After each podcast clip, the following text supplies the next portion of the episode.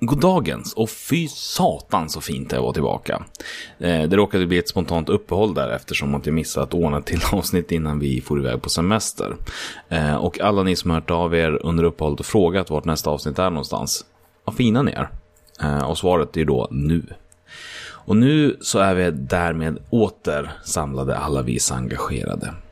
Som vanligt så heter jag Charles Metzma och jag kommer från Hallstahammar. Men här i podden representerar jag mig själv. Den här gången handlar Hallstahammarfaktat om att Hallstahammar har gratis kollektivtrafik och har haft det sedan 2006 om jag inte minns helt fel. Och detta gäller oavsett då om du är boende i kommunen eller på besök. Brukslinjen heter den för den som vill googla. Nu, vignett. Sverige är ett land som är byggt utav folkrörelser. Och vi vill lyfta fram de unga kandidaterna till styrelsen. Om en grupp av människor har en gemensam intresse, då kan de bilda en förening. Det är en gryende folkrörelse.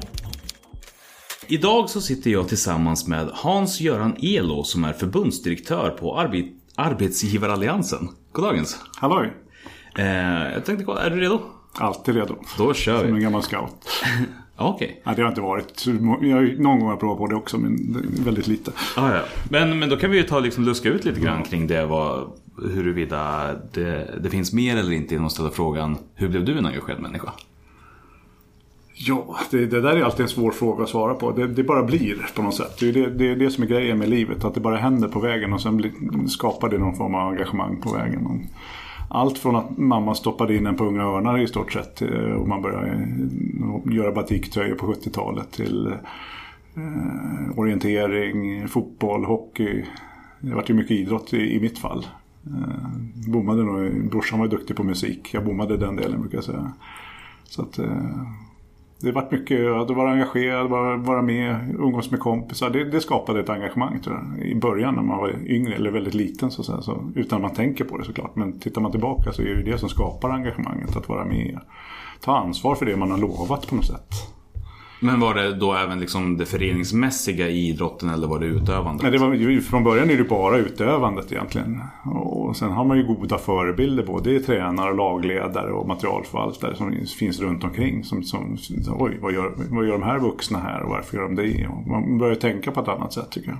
Men, men gick du sen över till att också bli den föreningsbiten bakom eller fastnade du bara i utövandet? Jag var ju ganska länge fast utövande och det beror ju på att, att, att just i hockeyn så lyckades jag ganska bra i utövandet kan man ju säga eftersom jag kunde vara heltidsanställd i tio år och spela hockey.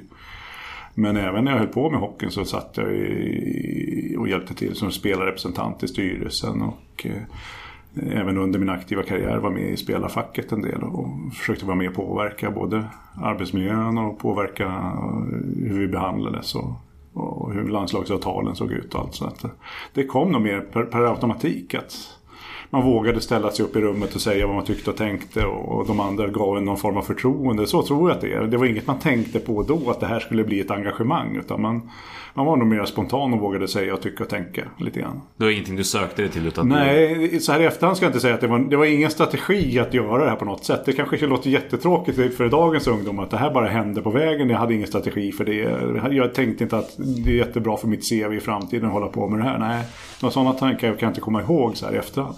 Men, men var det de bitarna som sen ledde in på det fackliga också eller finns det några andra steg däremellan? Nej, det, det ledde mig in i, i det fackliga och, och eftersom jag spelade heltid och pluggade på sidan om så, så hade man ju, jag hade ju en dröm som alla andra i, i, innan jag var heltid. Så jag skulle bli sjökapten, det var ju mitt mål här i livet. och det lyckades jag ju jättedåligt med. Ja.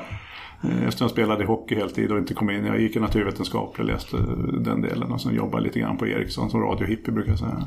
På 80-talet. Och, Då, Vad innebär det att vara radiohippie? nej men då, vi höll på att bygga basstationer för, för nya GSM-nätet på den tiden. Ja, det fanns ju bara NMT-system och analoga systemet innan. Sen var det ju digitala systemet ah, okej. i den vevan. Så vi var väl en 50 anställda på det här företaget. Sen när jag slutade tre år senare var vi 500 anställda. Så, så fort gick utvecklingen när det gäller den delen på den tiden. Spelade hockey samtidigt var engagerad. Eh, vågade tycka och tänka och, och eh, tillfälligheter. Min, min, jag hade, var listad i, i, i Winnipeg då, i NHL och hade en agent. som, som hette Björn Wagnsson som, som var känd på den tiden. Och eh, han var med och startade upp spelarfacket i hockey och då började med ett samarbete med HTF som facket hette på den tiden. Och då skulle de anställa en ombudsman som jobbade med arbetsrätt, eh, ledning och för idrottsmän kan man väl säga var en del i tjänsten och en del var ungdomsfrågor inom, inom facket. Så att, då tyckte han, men där passar ju du perfekt för mig. Jag sa, jag har inte ens tänkt på arbetsrätt. Ja men du får utbildning där. Så att det, det, det kan de fixa om du söker där. Så jag sökte bland 30 sökande på den tiden och fick det här jobbet. Så det var en ren tillfällighet att jag hamnade på, på den fackliga sidan kan man säga. Jag var heltidsanställd i tio år. Fick en facklig högskola och ledarskap och psykologi och men körde du det samtidigt som hockeyn då eller blev det i början var det samtidigt som hockeyn två första åren. Ja. Men sen var det för mycket. Jag klarade inte av både hockey, jobb och två barn som jag hade på den tiden. Det var lite mycket på en gång. Vad var det som gjorde att du valde mellan de här då? Nej, det var, en måste bort. Det var lite som Magnus och Brasse. och då, var det, då ville man inte välja bort barnen och man ville inte välja bort det, det jobbet som jag tyckte var jätteintressant med, med eh, arbetsrätten som jag hade tyckt, det här var min grej lite grann. Ledarskap och vara med och förhandla. Förhandlingsdelen tyckte jag var jätteintressant att sitta och förhandla. Och den vägen fortsatte du sen? Sen fortsatte jag. Och nu... Och nu, ja, sen var jag 10 år på den fackliga sidan och nu har jag snart varit 17 år på arbetsgivarsidan. Ja. Började, hade, hade väl lite flyt där också, satt jag och förhandlade då med, med arbetsgivaralliansen där jag är idag. Med idrotten och hockeyn. Och, min företrädare då, Nisse Lyckeberg som satt på arbetsgivaralliansen skulle gå i pension. Och så, vi hade en ganska bra stämning. Så, så kläckte han ur sig några gånger, men eh, nu ska jag gå i pension, kan du inte ta mitt jobb? Och så tänkte jag inte så mycket mer på det. Så ringde han mig två veckor sedan. Har du tänkt på det där? Då hade jag redan glömt bort det. Tänkt på vad då? Jag trodde att han skojade bara. Ja. Ja men eh, det där var allvarligt menat. Så att, eh, ja, men jag jobbar ju på HTF, det är en jättestor organisation. De satsar på mig och, och jag har fått väldigt bra utbildning där så det känns inte rätt. Men eh, okej, okay, jag kan väl träffa kansliet för Arbetsgivaralliansen var en jätteliten organisation. Och det känns ju lite läbbigt att gå från en stor organisation till en liten och ta, ta det ansvaret. För det är en helt annat jobb att jobba i en liten organisation än en stor organisation. såklart. Men det klickade med oss på kansliet som var där då. Så på den vägen är det. Kent, min företrädare på den rollen jag har idag, tyckte att ja, men, det här blir nog bra. Men hur var det att byta perspektiv då? Från att företräda ena sidan till att bara... Var det liksom en sån här överlöparvariant eller var det egentligen bara samma sak? Nu, nu, nu är HTF ett, och nuvarande, det heter ju Unionen idag då, så den som slogs upp med SIF på vägen där. Så att nej, jag skulle säga att idrotten ideella organisationer, fack, arbetsgivarsida. Det, det, det är mycket samarbete. Så att, eh, visst är det en skillnad att byta sida. Mm, det som är den stora skillnaden är att när du är på arbetsgivarsidan då är du mer, du jobbar mer som en konsultroll och stöd och ledarstöd så att säga, på ett helt annat sätt än du jobbar på fackliga sidan. Du jobbar ofta med medlemmar som om vi ser på hela de delarna man var ute på så är det ju ofta individer som hamnar i kris eller blir uppsagda eller blir mobbade på arbetsplatsen. Det perspektivet har man inte riktigt här. Det, det blir ett helt annat. Man är med och förebygger. Visst kommer vi in när det är bråk och konflikter hos oss också. Men vi försöker ju i första hand se till att man är en bra arbetsgivare och föredömlig arbetsgivare. Lite skillnad också på skalan. Att Ja. man, mer detalj. Ja, mer och jag skulle säga att det är mer psykologiskt jobbigt att vara ombudsman på den fackliga sidan eftersom du ofta har eh, medlemmar som är i affekt och stressade och kan bli väldigt aggressiva. Det händer ju nästan inte på arbetsgivarsidan för det är ett helt annat perspektiv. Så det var en stor skillnad tyckte jag. Och det här blir ju jättespännande för det ger oss liksom en, rak ingång i det vi ska prata om idag. Eh, nämligen hur man är en god arbetsgivare i en ideell organisation. Ja. Och, och, och den frågan är, är annorlunda hos oss. Jag brukar ju säga det att, att jämför oss med svenskt näringsliv och den världen vi är, civilsamhället eller idéburen, ideell, vad man nu kallar det här för, så har vi ju många anställda, eller de flesta anställda, brinner ju för varan där de är. De är ju inte där i första hand för att få ut en provision eller pengar. I, i, generellt är det ju inte så. Och det gör ju att, eh, jag brukar säga att, att när vi ska leda vår personal så måste vi se till att de måste gå hem någon gång. Jobbar du på Svenskt Näringsliv så försöker du få arbetskraften vara kvar så länge som möjligt. Så det blir väldigt olika ledningsperspektiv. Eh, och att de är så engagerade skapar också ett stort krav på att vara en bra ledare. Att samverka med personalen. Hur ska vi tillsammans med den demokratiska organisationen som inte finns i näringslivet. Med personalen och ledningen. Som är kanske både bara styrelsen eller bara ett kansli. Det det är lite olika varianter. Hur man samverkar på bästa sätt för att få fram att alla är med och utvecklar verksamheten. Plus att hela det här personliga engagemanget i sig är ju ett hinder. Som gör att många individer som är anställda hos oss ser det här som så personligt och då kan man bli kränkt om någon styrelse kommer att tycka någonting annat. Förstår du vad jag tänker där? Mm, jo, absolut. Så det, det, det är komplext att vara arbetsgivare i vår värld också. På ett helt annat sätt eller på, på ett mycket svårare sätt? Jag skulle säga ett svårare sätt. Du kan peka mycket mer med hela handen om du är chef inom näringslivet och äger ditt eget bolag och säger så här, nu springer vi åt höger. Då måste alla springa åt höger.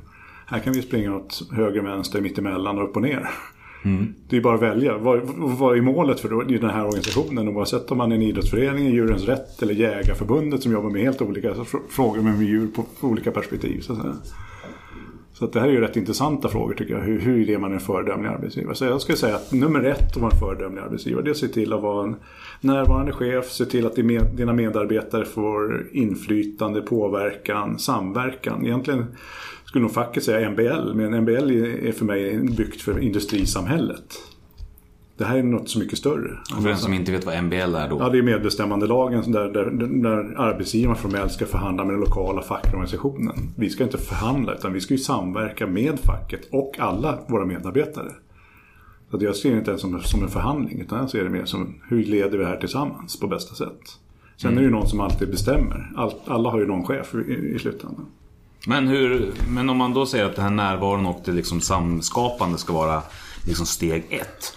Eh, hur förhåller man sig då eh, om man har ett kansli eh, där man ska skapa det här och sen mm. samtidigt har en demokratisk organisation med medlemmar mm. som verkar både parallellt men ja. framförallt över. Ja, där brukar jag, delegationsmässigt brukar jag göra det enkelt för mig. Att, att medlemmarna är en sak. Men är man anställd så är ju formellt så är det ju arbetsgivaren och föreningen mellan årsmöten, det är ju styrelsen. Det är ju inte medlemmarna egentligen. Nej. Man, måste, man ska nog inte tänka för mycket på medlemmarna. För det, då hamnar man också snett, det ser vi ju.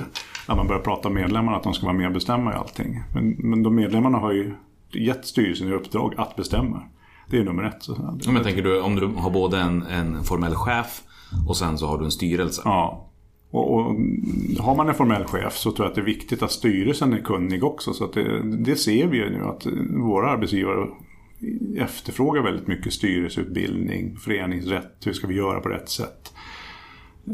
Det har inte funnits lika stort, stor efterfrågan och sen, ja, sen som de senaste åren har dykt upp väldigt mycket just det här. Hur gör vi det här på rätt sätt? Det finns en väldig vilja att göra rätt och göra det här på ett bra sätt bland våra arbetsgivare. Det är jättespännande. Ja. Är det, alltså, har det liksom kommit någon slags renässans i ett uppvaknande av att oj, vi kan faktiskt göra fel vi också? Eller är det bara... Eller vad, vad beror det på? Mm, en, ett uppvaknande att man är, har ett ansvar för personal. Ett uppvaknande att, att oj, det här mandatet har jag fått. Vad innebär det? kanske att eh, vi historiskt sett har varit bättre på att vara föreningsmänniskor än vad, dag, vad vi är idag. Det, det kan vara flera kombinationer, skulle jag säga.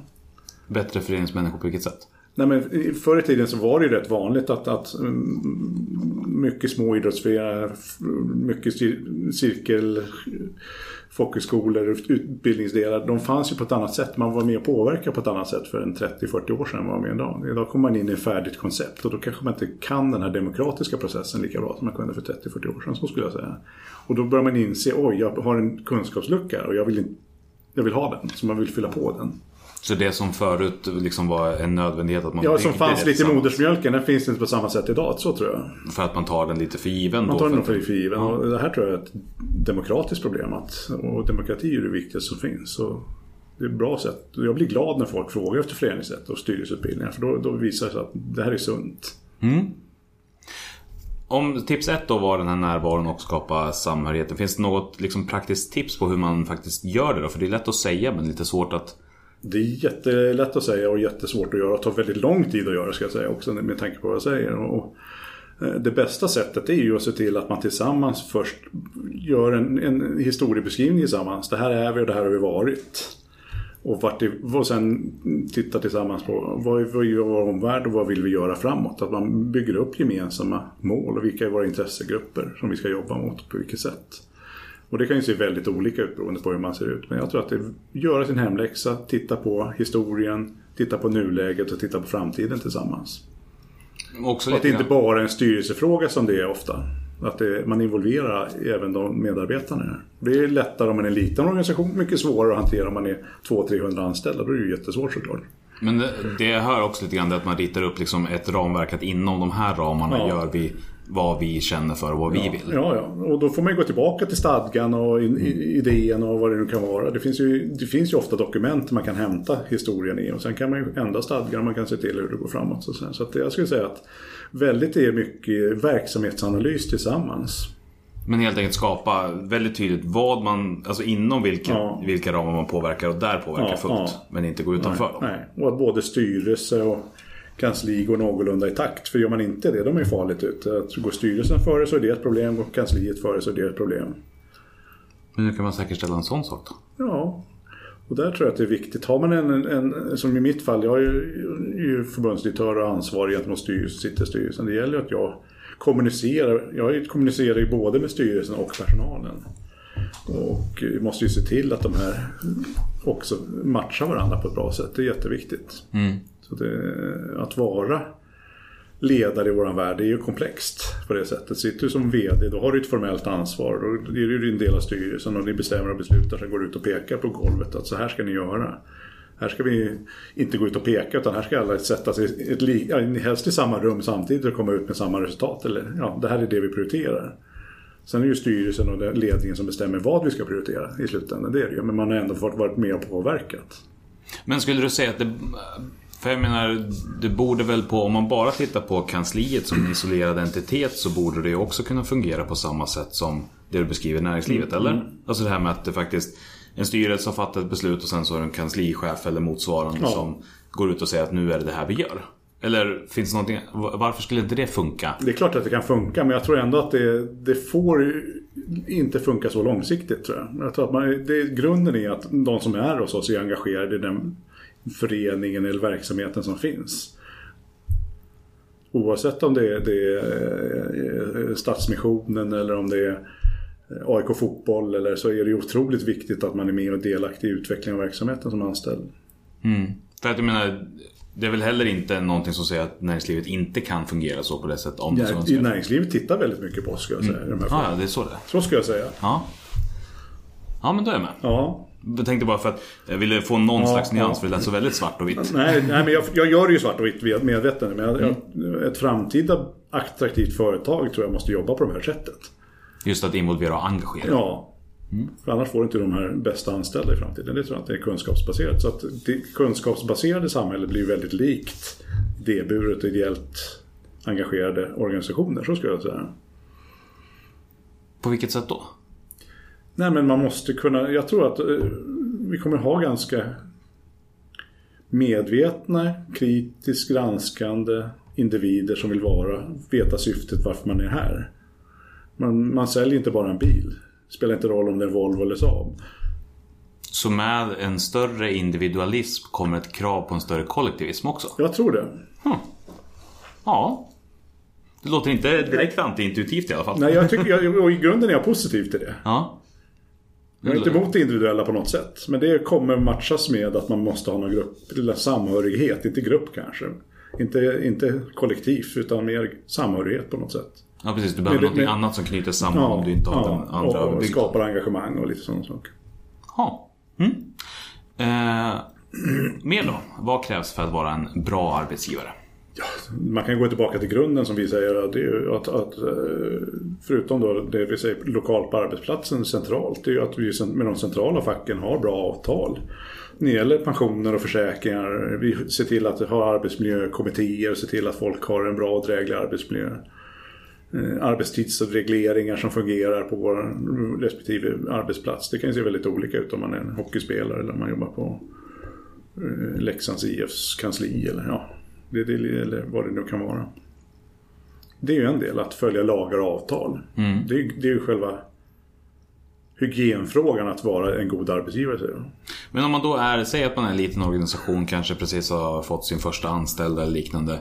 Finns, alltså är kollektivavtal även för den? Ja, många av våra uh, arbetsgivare är ju mellan en och fem anställda. Det är de stora flertalet ska jag säga. Så att vi, jag brukar säga att Arbetsgivaralliansens rådgivare sitter ju i telefon varje dag och pratar med de här styrelserepresentanterna som är arbetsgivarföreträdare. Hur de ska kunna göra rätt på rätt sätt mot sina anställda. Så den diskussionen har vi ju varje dag. Det är det jag säger, vi har en ganska konsultativ roll att se till att de är bra arbetsgivare. Och sen ringer ju facken hit ibland och säger den här och den här föreningen har jag varit ute på. Det, så här, det är för jäkla stora problem. Nu kommer vi begära en förhandling och, och vi har en bra dialog med facket också redan innan problemet kommer. Så att de är med och hjälper till och ser till att våra arbetsgivare kan göra rätt. Och där, har, där är vi också, att vara föredömliga för oss är också att ha en bra relation med facken.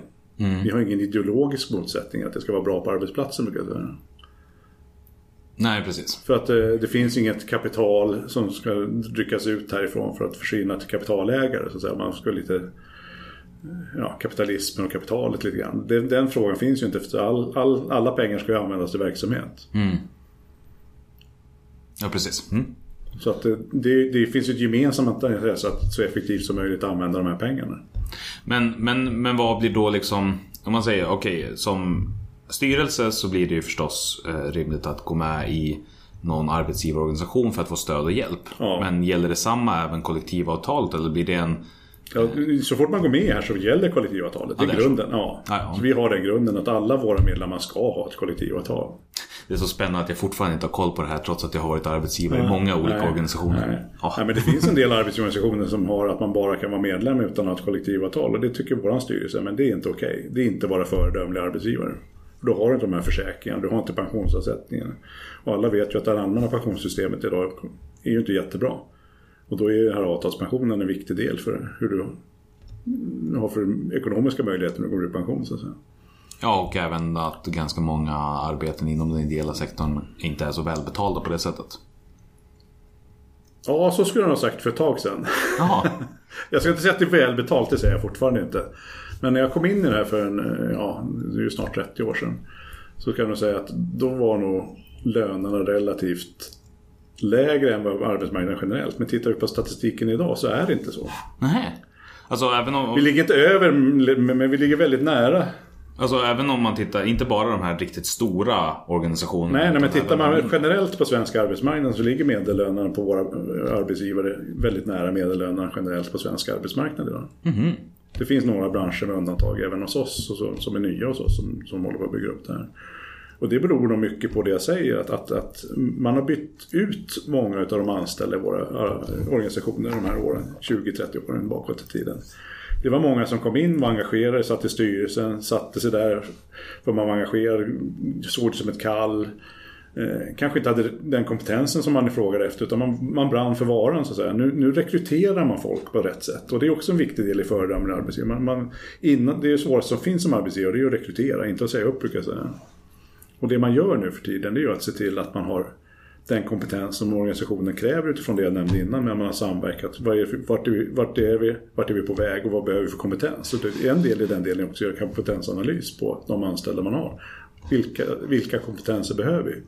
Och det, man, och det man ser tydligt inom ideella världen att det har kommit in väldigt mycket högskoleutbildade människor i den här världen som inte fanns för 20-30 år sedan när jag kom in.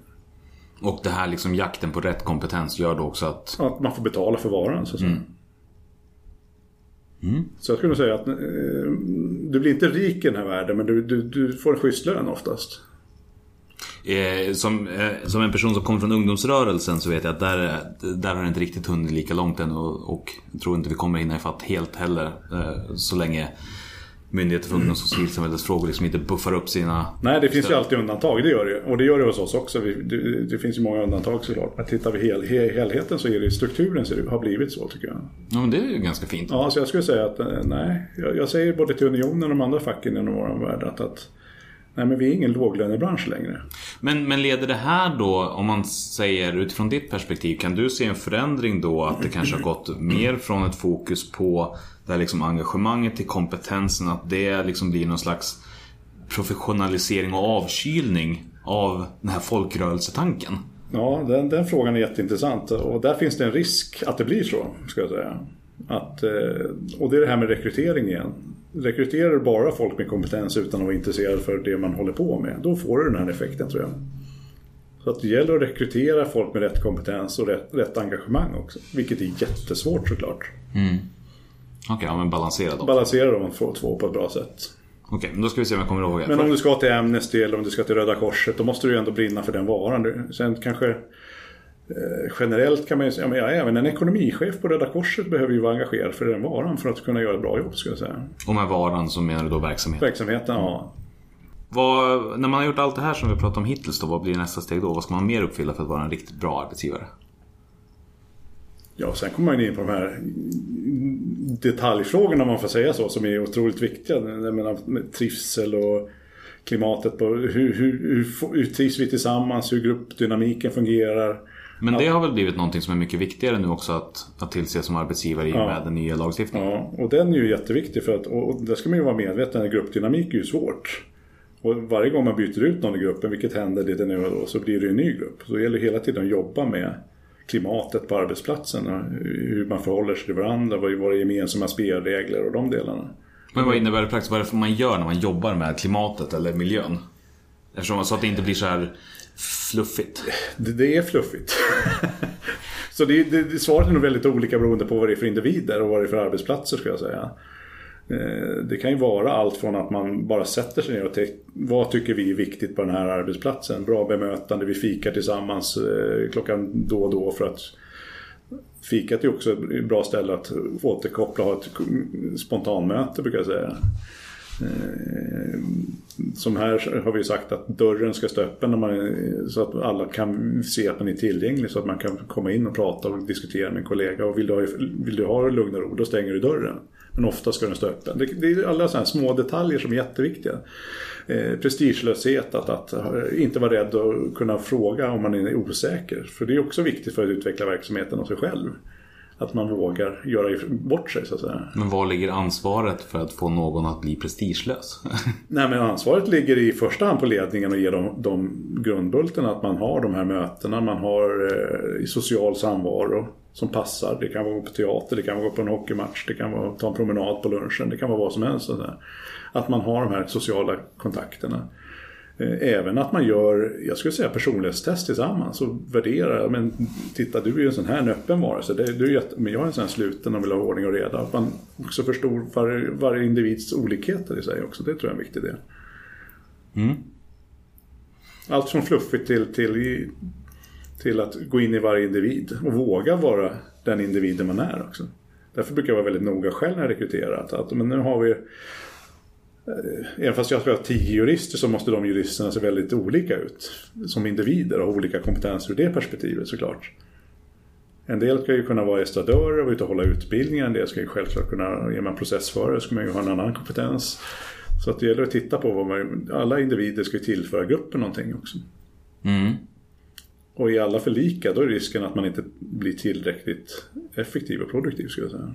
Så i arbetet med liksom Så arbetsmiljö... lite det här gnugga varandra och utveckla varandra, det tror jag är viktigt. Och då, då är det här att som ledare titta på att individerna är inte alls för lika.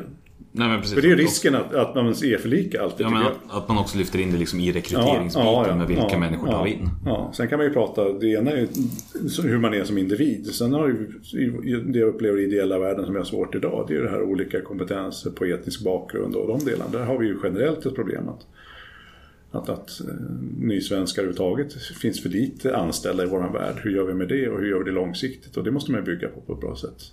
Det är en annan del i det här. Men folk är ju fortfarande individer oavsett var man kommer ifrån brukar jag säga. Så är det. Ja. Ehm, Okej, men det är lite övergripande. Men om man, låt oss tänka oss nu att det är någon som lyssnar här som för första gången liksom har satt sig eller på väg att sätta sin styrelse där de kommer att bli arbetsgivare. Eh, jättebra tips nu, men, men allting blir väldigt stort. Vart börjar man någonstans liksom med att försöka liksom sätta sig in i världen och vad det innebär att vara arbetsgivare? Ja, det var en bra fråga. Jag brukar ju hänvisa till vår hemsida. ja, men det, jag tror att det... Jag brukar säga i våran värld, den viktigaste rollen som oftast är mest misshandlad i våran värld, det är valberedningens roll som ska upplysa de här som blir valda. Vad, vad är det för uppdrag du får? Vad innehåller det?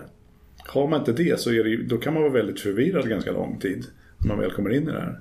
Så det är viktigt även som valberedare att känna till vad det innebär att Ja, valberedningen har en viktig roll i våra verksamheter när man väljer styrelse. Vad är det här för uppdrag och vad innehåller det? Eh, även olika kompetenser i styrelsen. Det börjar redan där. Så att eh, ett bra arbetsgiveri börjar med att ha en bra styrelse brukar jag säga. Som jobbar på ett bra sätt. Fungerar inte den så blir inte arbetsgiveriet bra heller. Nej, precis så att själva styrelsearbetet fungerar bra. Ja. För att om styrelsen är sinsemellan upptagen med att bråka eller inte fungera så kommer Bråka eller inte ha, eller ha samma kompetenser så att man inte har olika kompetenser och inte klarar av alla uppgifter. Så att säga. Så det, det kan vara olika, men det behöver inte bara vara bråk. Utan det kan fungera jättebra men vi gör fortfarande inte rätt saker. när man har ett eh, perspektiv. Vi har ett jättebra klimat men vi, vi gör inte det vi ska. Men, men börja kolla liksom, på någon av eh, arbetsgivarorganisationernas sida. Ja, ja, och där pratar vi om vad vi tycker är föredömligt. Vad innebär kollektivavtal? Hur ska man förhålla sig? Och gå våra grundkurser, gå våra arbetsrättskurser, våra svåra samtalet-kurser. Hur hanterar man personal? Som. För det ingår ju det här att, att ta det svåra samtalen med individer. Det är ju det som är god arbetsgiveri. Och det kan vara allt från att, att folk kommer för sent eller att folk missköter sig i arbete eller även ta medarbetarsamtal. Hur gör man det på ett bra sätt i ett positivt perspektiv? För det är ofta positiva samtal att sitta med medarbetaren på individnivå och se till att det här är våra mål, det här är våra visioner och det här är din medarbetarsamtal. Vi har dokumenterat det här och det här ska du göra i vår organisation. Och du ska jobba tillsammans med de här och det här ska vi utveckla. Det, det är gott arbetsgiveri för mig. Så jag brukar sä- sällan gå in på kollektivavtalet som sådan för det är en väldigt liten del av verksamheten. Kollektivavtal är bara ett ramverk som finns där. Kollektivavtal blir mer stadgarna för hur det ska funka. Ja, hur stadgarna på arbetsplatsen ungefär, så ska jag säga. Sen innehåller det så mycket mjukvara, HR-frågor brukar jag säga, som, som många är väldigt duktiga på i vår värld. Ledarskapet är jag tycker oftast är våra ledare väldigt duktiga. Och likväl våra anställda är väldigt engagerade. Men precis, men, men där blir det en ganska ändå rimlig jämförelse, eller ett sätt, rimligt sätt att förhålla sig till Ja. det hela. Just att kollektivavtalet är en, ingenting som du måste kunna helt utan. Nej, nej, nej. Men det måste finnas där, eller någon form Ja, det är en hygienfaktor säger jag. Ja, och sen ska du gå dit och kolla vad var det som gällde egentligen. Ja. För jag har fortfarande inte träffat någon som kan alla sina stadgar utan till heller. Nej, det tror jag inte är många som kan. Det finns några stycken, jag har träffat på dem. Ja. Några av dem i alla fall.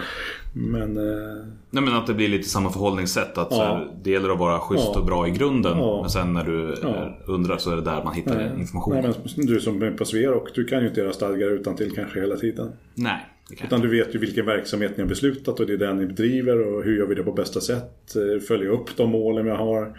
Vad har vi gjort, vad har vi inte gjort och, också våga säga att det här hinner vi inte med. Så att det tror jag också är en, en bra arbetsgivare har en tydlig kommunikation. Men, men så, och just eftersom att det då är ganska stort och komplext så handlar det helt enkelt om att bara börja, börja beta i sig. Ja, det här tar tid. Ja, ja. Men, men vad kan man då ha för förväntningar om man är anställd eh, och har en ung eller på annat sätt, eh, inte ung ska jag inte säga, utan en, oerf- en styrelse som är oerfaren som arbetsgivare. Vilket vi ofta har i vår värld. Och det, det ställer krav på de anställda att förstå det också, brukar jag säga. Vilket eh, man får leva med på något sätt. Att, eh, du kommer själv från ungdomsorganisationen. Där är det ju av princip att man ska bytas ut. Eller hur? Och då är man nästan oerfaren hela tiden. Så att man får någon respekt för att försöka hjälpa dem på ett schysst sätt utan att ta över eh, föreningen. Att de anställda inte tar över föreningen. Får inte bli tjänstemannastyrt heller. För det är ju risken om man har en för erfaren styrelse att tjänstemännen tar över.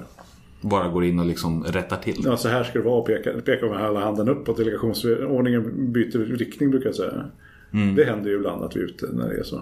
Och om man då är anställd i en organisation där man känner att men det finns inte riktigt någon som tar det på allvar det här med arbetsgivaransvaret. Vad kan man göra då som anställd? Våga säga det. Och om man luftar det och ingen bryr sig? Ja, då är det allvarligt säger jag.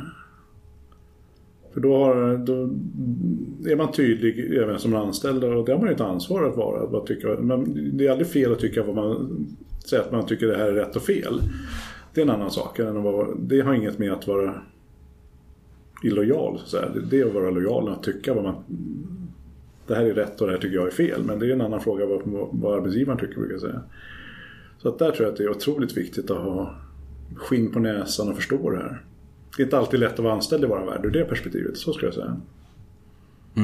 Och sen ställa, ja, i värsta fall, det har vi ju sett också, då kommer ju facket in och pekar med hela handen till, till styrelsen och säger så här, så här ska det vara. Det har ju hänt såklart. Men det är ju inte den bästa lösningen. Men det är en problemlösning för stunden brukar jag säga. Just för att konflikten kommer ligga kvar. Alltså man löser symptomen. Ja men personalen är så pissed off att nu funkar inte det här, nu tar vi in unionen här. Det händer ju såklart. Och då är det bättre att försöka förebygga det. Ja, vi försöker ju undvika att det händer. Det är våran roll. Ja, men det, det, det, det blir ju egentligen precis samma sak. Ja. För jag brukar säga det ofta att ja, men, försök aldrig någonsin lösa eh, konflikter med stadgar eller årsmöten. Nej, nej, nej. nej. Och Och, det personalfrågor på årsmöten, det ska man aldrig ha heller brukar jag säga. nej, uff. För det händer ju ibland såklart. Och det är livsfarligt. Ja, nej, det blir ett steg ännu värre. Ja. jag tänkte konflikter i allmänhet. Ja, nej men det är båda och de Ja. har vi sett på nära håll. Så det, det är inte bra. Det kan inte ha varit trevligt att se det utspela sig. Nej, och jag, de gångerna jag har varit där så har jag varit tydlig och sagt det här är ingen fråga som ni ska ha här överhuvudtaget. Nej. Och oftast lyssnar de, inte alltid. Nej men det är ju en knepig grej det där eftersom att det ändå är en organisation som ska styras Ja. och liksom vilken del ska styras och på vilket sätt och vart ligger mandat och eftersom att det ändå Jag menar, det är ju ändå någonting Ja. som skiljer sig i den ideella världen mot näringslivet. Att alla de här grejerna är alltid öppet för förhandling. Ja, ja, ja. Vem som beslutar vad i vilket läge Ja, ja. när. Och därför är det viktigt att in i styrelsen vem gör vad om man ska vara bra arbetsgivare. Att, att eh, säga att du inte har en kanslichef, då är det ju viktigt att säga ordförande eller kassören eller någon annan i styrelsen. Du är personalansvarig, du är den som kommunicerar från styrelsen med personalen och tvärtom.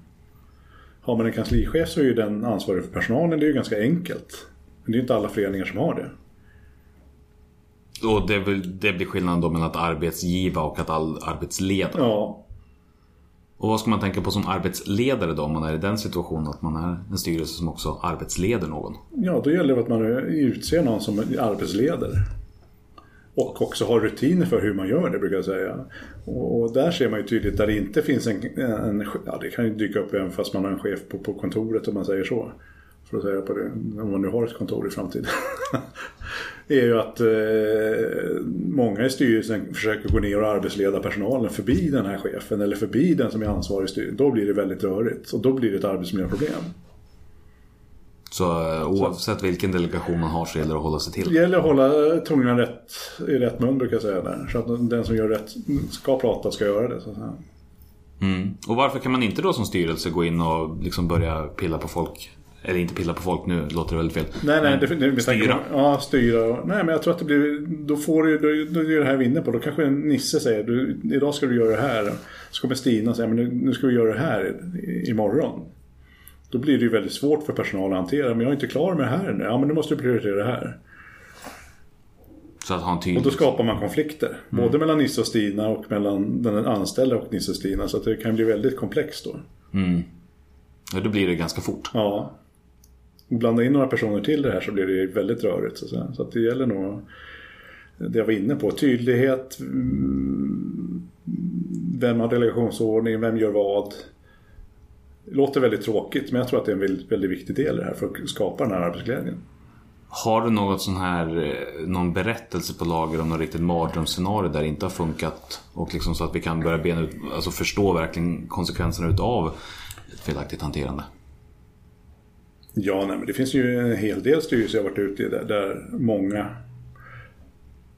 Ja, när, när styr, jag kan ju säga när där arbetsgivarföreträdaren då är kanslichef som, som styrelsen tycker inte är good enough. Det, det kan ju börja där. Att inte ha förtroende för sin ledare och inte våga ta det svåra samtalet med den här ledaren som kanske har varit länge och har bra kompetens.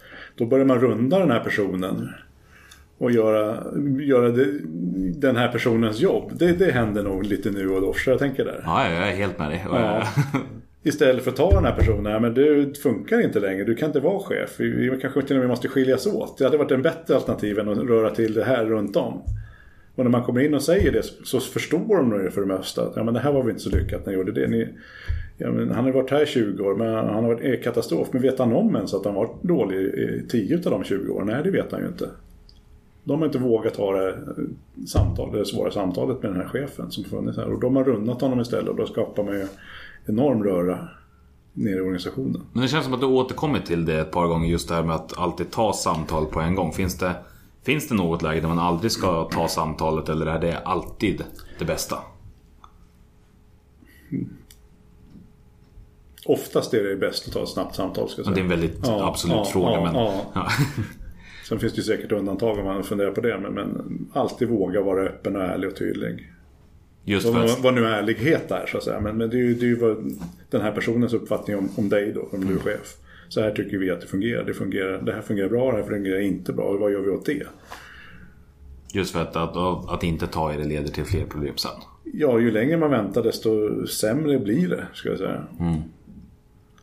Ja, Och jag skulle säga att, att syftet med att ha det här svåra samtalet det är ju att vara se till att den här verksamheten fungerar och att den här personen fungerar. Så syftet om man tar det snabbt är ju gott. Men kan ju självklart just då uppfattas som att jag är en skithög när jag kommer dit och säger det. Men syftet är ju inte det. Syftet är ju snarare att du ska göra ett bra jobb.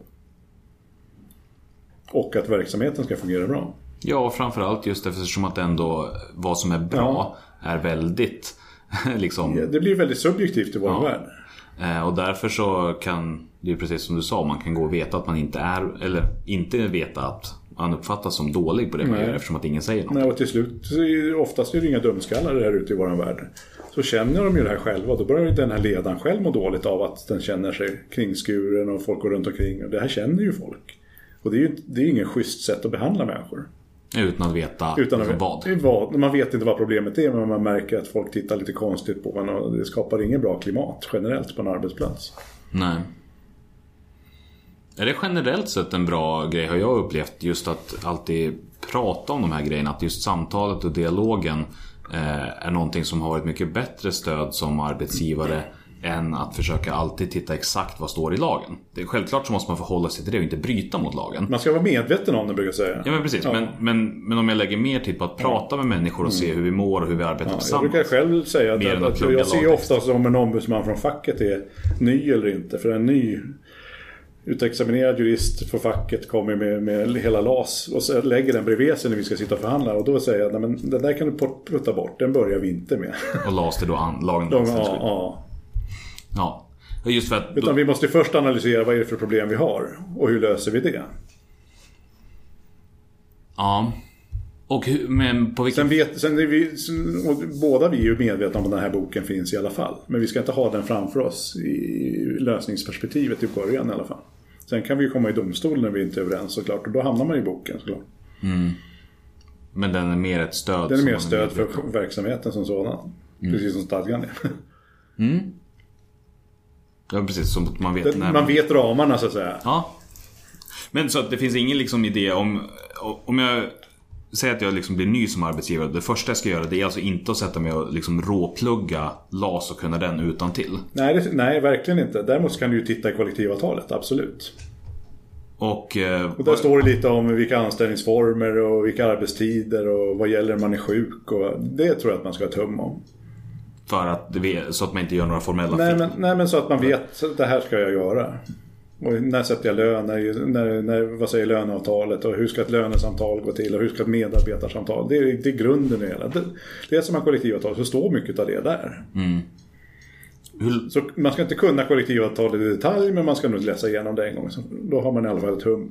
Det här gäller på vår arbetsplats. för att få känslan andan av Ja. det mer. Men sen är ju de andra dokumenten mycket viktigare som föreningen har gjort. Och vilka är de andra dokumenten? Ja men det är ju allt, ja, om vi börjar med stadgarna, sen är det ju verksamhetsidén och sen är det ju målen vi har och sen är det verksamhetsplanen för 2017, vad innehåller den? Det är det som är det viktiga. I frukt med de här kollektivavtalen. Och då säger jag att inom vår värld så ska man jobba ungefär 2000 timmar om året. Hur ska vi använda de 2000 timmarna på bästa sätt? Det är ju det medarbetarsamtalet ska hand- handla om. En sak som, eh, som är ganska aktuell just nu, eller jag upplever att samtalet är mer aktuellt än tidigare, men som också du har varit inne på just det här, handlar om det hållbara i arbetslivet. Eftersom att vi ofta har anställda som vill mer där gränsen mellan vad gör jag professionellt och vad gör jag ideellt kanske suddas ut och liknande. Hur, hur agerar man som arbetsgivare för att skapa en hållbar arbetssituation? Ja, det är därför jag sa det i inledningen här att, att vår stora utmaning är att se till att folk återhämtar sig, går från arbetsplatsen, tänker på någonting annat. För risken är att de blir kvar väldigt mycket och gör väldigt mycket. Både att man eh, smygjobbar hemma eller hur man gör eller sitter kvar på arbetsplatsen eftersom man är så engagerad i det här. Så tror jag nog att eh, återhämtning, rekreation, tänka på annat skapar en långsiktig hållbarhet för den här individen att vara en bra medarbetare. Och vad är det som händer annars? För visst kan du inte- jobba 5000 timmar ett år och må jättebra. Men om 10 år om du gör det i 5 år, då mår du inte jättebra. Det är ändå så det perspektivet man måste ha som arbetsgivare också tycker jag. Men har det bara med tiden att göra? Alltså Nej, nej, nej. Sen är ju, nej, nej, verkligen inte. Nej, men det, det är ett exempel du kan gå. Sen, sen är ju individer olika. och, Och det är ju det som är utmaningen här. Att en del kanske mår bra av att jobba jättemycket. Och en del mår jättedåligt av att jobba mycket. Och hur vet jag som arbetsgivare när... Inte lätt alls. Finns det några liksom så här praktiska... Och en del vill ha tydliga mål, en del vill ha lite mindre tydliga mål för de kan göra, hitta, eller hitta på, men de kan klara av det själva. Så det, det är ju det här med att folk är olika. Och därför är min medarbetarsamtal att sitta med varje individ och förklara. Så här tycker vi, så här tycker jag. Och att den personen också återkopplar. Att så här tycker jag chefen är, så här är du. Så här uppfattar jag dig och så här skulle jag vilja att du var mot mig. Och att man också som medarbetare kommunicerar tillbaka. För medarbetarsamtalet är ju inte bara att jag som ledare eller chef ska säga vad jag tycker om den personen. Utan det måste ju vara en återkoppling också. Vad tycker den personen om, om mig och organisationen och hur ska vi utveckla den tillsammans? Är medarbetarsamtal ett, ett dåligt ord? För att det lägger fokus på bara ena parten eller är det fortfarande bra? Fast det ska vara mer dialog i det. Utvecklingssamtal, medarbetarsamtal. Det finns ju många ord för det här. Ja. Jag vet inte, det, det, inget av dem gillar jag jättebra. Det, så kan man säga. Men det är viktigt liksom... Men att sitta själva- ner stru- strukturerat en eller två gånger om året och dokumentera vad man har sagt och hur man följer upp det. Det tror jag är viktigt. Sen så är alla andra möten som man har allihopa tillsammans eller när man fikar, de är också viktiga. Men man måste nog sätta sig med individerna. Och det är det jag menar med närvarande chef. Man måste sätta sig med varje individ lite nu och då och gå igenom. Hur mår du? Hur jobbar du? Jobbar du för mycket? Jobbar du för lite? Gör du rätt saker? Prioriterar du rätt saker? Allt det här måste in i det här. Men om man... Det, det, Och det är det här, då blir det ju hållbarheten som du är ute efter tycker jag. Ja precis, det långsiktiga. Det långsiktiga, ja. Men hur, hur är man effektiv som arbetsgivare i det kortsiktiga då med avstämningar? Finns det någon sån här gyllene regel att så här ofta och på det här sättet ska du sitta ner och prata med människor eller mejla rapport på det här sättet så blir allting perfekt? Nej, det, det finns nog inget bra svar på den frågan, det ska inte jag säga. Eh, ja, det, nej, jag brukar säga att, att eh, vi, vi har alltid uppe frågan själva här. Hur mycket möten ska vi ha? Och det här varierar med tiden vad vi tycker. Så kan man nog säga. Ibland tycker man att man ska möta varannan vecka, ibland varje vecka, ibland en gång i månaden. Det, beror lite grann på hur mogen gruppen är också. Det blir ofta fler möten ju, ju mer nya man har i gruppen, skulle jag säga. Så det här är spelande piano i förhållande till hur gruppen ser ut lite grann också. Men det är viktigt att det finns de Ja. liksom, små avstämningarna Ja, också. det måste finnas avstängningar, annars känner sig folk lite vilsna. Det är min erfarenhet. Även i, alltså, både i grupp och individuellt, Ja. bara i grupp eller? Men både och behövs. Ja. Det är spännande för det är ju liksom Ja. en så svår värld att försöka konkretisera. Nej, och det finns inget facit. Nej. Hundraprocentigt. Så det, det, det är de mjuka värdena som jag brukar säga. Det är, hur hanterar man det på bästa sätt? Och, det, och där... grunden är att vara en bra arbetsgivare. Det är ju att lära sig känna sig själv, brukar jag säga. Vem är jag och hur vill jag vara? Och inte tro att man är någonting annat eller försöka vara någonting annat. För det genomskådar ju folk. Och vad ger det för effekt om jag känner mig själv då? Nej, men då kan du dina brister. För alla människor har ju brister. Jag tror att det är bra att kunna lära känna sig själv och veta att de här bristerna, de här fördelarna har jag. Och jobba med det på ett bra sätt. Och de här personligheterna har jag svårt att hantera och kunna jobba med det. Så att Jättesvårt, med introverta personer som aldrig säger något på möten till exempel. Hur hanterar jag dem på ett bra sätt? Så att det finns en medvetenhet och en strategi ja, kring det. ja, ja. Men, men egentligen sammanfattningsvis, allting låter som att det kretsar otroligt mycket kring samtal. Alltså att det finns en öppenhet och en ärlighet och att man pratar mycket. Inte bara om liksom vad som ska göras utan också hur. Mm. Hur det ska göras. Ja. Och hur vill vi att det ska göras? Ja. Och hur vill vi göra det tillsammans? Och vem gör vad och alltihopa det här. Och oftast om det fungerar, då leder sig gruppen sig själv. Då har man lyckats totalt brukar jag säga. Då behöver man som chef säga väldigt och göra väldigt lite. De leder sig själva. För att liksom det är ramverk och den struktur Ja, som det är så tydligt så att säga. Ja. Ja men det, det är ganska skönt att veta att det finns någonstans där man kan liksom få ett mått på att ja, men, här någonstans så är vi nog okej ute i alla Ja, ju mer du är inne och petar desto problematiskt kanske är med gruppen och med kompetenser. Det kan vara... Och sen är det ju frågan också, det behöver inte vara något fel på gruppen och kompetensen heller. Det kan ju vara som jag sa, det kan ju vara att många är nya. Bara det kan ju vara förvirrande. De behöver lite mer stöttning det här första halvåret eller året. Och sen fungerar det som vilken tidigare grupp som helst. Så, att säga. Mm. Finns det någonting kring det här med att vara arbetsgivare som, som du tycker är viktigt att prata om men som jag inte ställer frågan om? Ja, men jag tycker nog att det, det är viktigt att respektera varandra och tillgängligheten oavsett vem du är och var du kommer ifrån eller om du har ett öga eller två ögon eller tre ben eller hur man ser det, här tror jag är den viktigaste delen i vårt samhälle totalt, att man verkligen får respekt för individerna. Och det ställer också krav på tillgänglighet på arbetsplatsen och, och det är ju ett stort problem. För tillgänglighet kan ju kosta pengar för att anpassa en arbetsplats. Och det är det stora problemet tycker jag. Att vi, vi kan inte med våra små resurser alltid anpassa så att arbetsplatsen passar alla. Men vi ska ändå anstränga Vi ska oss. anstränga oss, absolut. Mm. Och man kan få resurser från samhället också. Men, men jag tycker ändå att man försöker väldigt mycket. Mycket handikapporganisationer som jobbar med de här frågorna. Så att den diskussionen tycker jag är viktig, förutom de fackliga. En sista fråga då. Eh, nu, nu blir du partisk eftersom att eh, du företräder Arbetsgivaralliansen. Men jag har uppfattat det som att det finns egentligen, som arbetsgivare så är det Arbetsgivaralliansen eller IDEA. Om man är inom ideell sektor som man har att välja mellan i princip. Ja, och KFO som vi sitter ihop med här. KFO också, okej. Ja, De- så vi är tre brukar jag säga. Vad är skillnaden på er? Finns det någon skillnad eller är det... Jag skulle säga att det är historiska skillnader. Det är ofta så det är. Eh, Tittar man på KFO som vi sitter uppe med så är grunden att de startades ju med kooperationen som grund. Idag har de kooperation och de har idéburet och de har ideella verksamheter också. Eh, Arbetsgivaralliansen startade med grunden att det var ideellt generellt kan man säga och idéburet. Precis som IDEA. Men grunden är att de var en utknoppning från Svenskt Näringsliv. Och så är Arbetsgivaralliansen var väldigt tydliga med att vi fristående vill inte vara en del av Svenskt Näringsliv. Men nu har ju idéa gått till det hållet att man är utanför Svenskt Näringsliv också på ett annat sätt än vad man var förr. Så att eh, den frågan är befogad och den ställer facken till oss också. Varför slår ni inte ihop er alla tre? Varför gör ni inte det då? Ja, eh, det kanske blir så i framtiden. Det vet man aldrig. Så som i, i ditt tycke så är det väldigt liten skillnad er tre emellan eller? Ja, min egen uppfattning är att, att det är väldigt liten skillnad idag mellan IDEA och Arbetsgivaralliansen.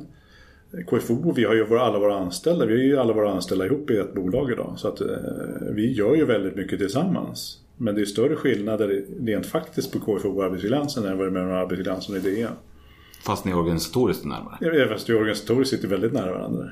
Ja, spännande. Ja. Så egentligen det är bara att plocka den som känns bäst och köra på Ja. och bli en bättre arbetsgivare. Ja, och sen jobbar vi ihop med Svenska kyrkan som en egen arbetsorganisation också i den här världen. Det är ju ideella, ideella världen. De har en egen arbetsorganisation. Mm. Svensk scenkonst finns ju som vi har vårt trygghetsråd ihop med. Så det finns ju lite andra intressenter också. Okej, ja, så man kan kolla runt lite grann. Ja, och se. ja. Här till slut så ska ju du få samma fråga som alla andra som har varit med i podden också. Och det är ju den om att du ska få berätta om någonting som du har åstadkommit eh, som du är riktigt stolt över. Mm. Och sen berätta om någon gång när det liksom inte gick alls lika bra. Och framförallt då vad du lärde dig av detsamma. Och du väljer själv vilken ordning Nu är man ju bra på att förtränga det som är dåligt. Men jag kan ta börja med det jag är lite stolt över. Och det började ju redan på min fackliga tid och fortsatt här. Och det var ju att vi lyckades få ett, ett pension och försäkringsavtal för elitidrottare i Sverige. Vi var ju först i Europa. Det, där var jag med och byggde upp det ihop med Arbetsgivaralliansen. Och det känner jag, det är jag väldigt stolt över idag. Byggde ihop det som att du skrev och fixade Jag eller? tog in de försäkringsgivare som fanns och det var ett ganska stort jobb. Eh, Och att även elitidrottare är inne i våra trygghetsråd så att när karriären är slut kan de få stöd till omväxling till en ny karriär. Det, det känner jag, det, det var väldigt unikt. Det fanns ju på övriga branscher hos oss och övriga anställda. Så att det, men att få in den här gruppen som, som levde ganska okontrollerbart på det sättet, det, det, det var nog positivt. Och det antar jag har gjort stor skillnad också hur det komma ut ur elit. Ja, det har professionaliserat id- idrotten tycker jag i Sverige på ett helt annat sätt än vad, vad, vad, vad den kanske hade gjort annars. Kul. Ja.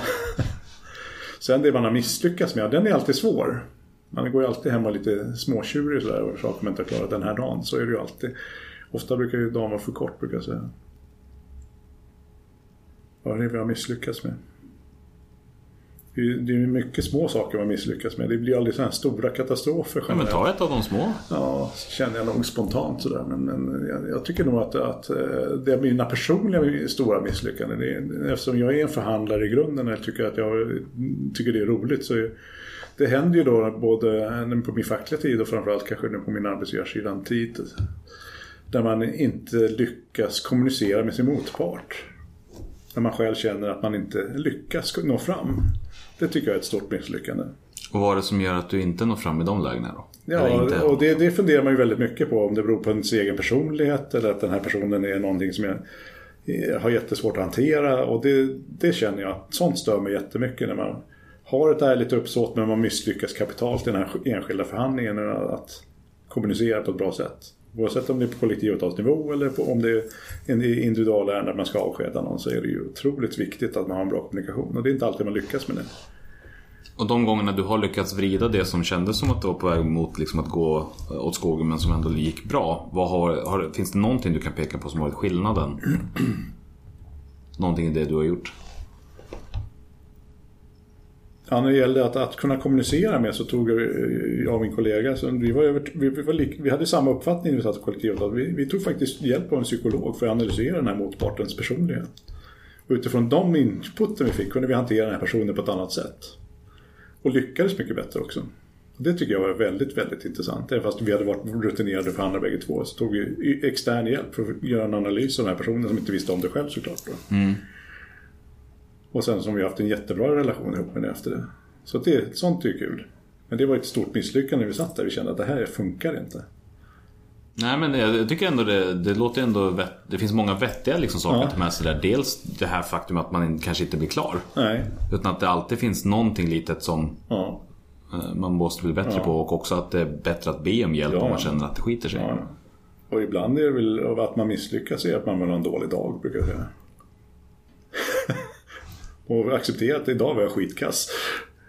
Ja, så kan det vara också. Ja. Och har jag som har stått i mål. Ibland släpper man in 10 mål och ibland släpper man in inget mål. Och det, så kan ju även dagarna på jobbet vara fortfarande. Menar jag. Och det, är, det är lite mer direkt respons dock att vara hockeymålvakt. jag menar det, men det blir samma effekt på något sätt. Ja men det är det ju. Tack så jättemycket Hans-Göran för att du har delat med dig. Det var jättekul att prata ja, med dig. Detsamma, tack. Sverige är ett land som är byggt utav folkrörelser. Och vi vill lyfta fram de unga kandidaterna till styrelsen Om en grupp av människor har en gemensam intresse, då kan de bilda en förening. Det är en gryende folkrörelse. Återigen ett avsnitt som verkligen skriker kvalitet. Och om du tyckte att det hela var intressant så kan jag tipsa om att Courage nyligen hade ett nummer på precis samma tema. Oberoende av varandra så hade vi båda hört av oss till bland annat Hans-Göran för att prata om det här. Och förutom just tidningen Courage så finns ju också poddflödet Ljudet av en dagordning. Där det senaste, ett av de senaste avsnitten också ägnas åt just arbetsgiveri. Jag tänkte också passa på att puffa lite grann för Facebookgruppen Facebookgruppen Desengagerade på Facebook. Lite klurigt att stava så det går bra att hitta genom att gå in på Facebook-sidan Civilsamhällespodden och där trycka på menyalternativet Grupper. Det hela har utvecklat sig till att bli något av en mysig redaktion för podden där det finns möjligheter att påverka och ge in eh, inspel inför avsnitt. Nästa avsnitt kommer vara det första som spelades in efter att gruppen bildades och flera av de frågor som ställs i avsnitt kommer just från gruppen Desengagerade. Eh, jag kan också nämna att det fortfarande finns en del öppningar i kalendern för årsmötesordförandeuppdrag. Ett par har hört av sig till mig men inget har spikats ännu. Så mejla mig på charlesstyrelsepost.se, tjarlsstyrelsepost.se, styrelsepost.se eller skriv direkt till Facebook-sidan Civilsamhällespodden.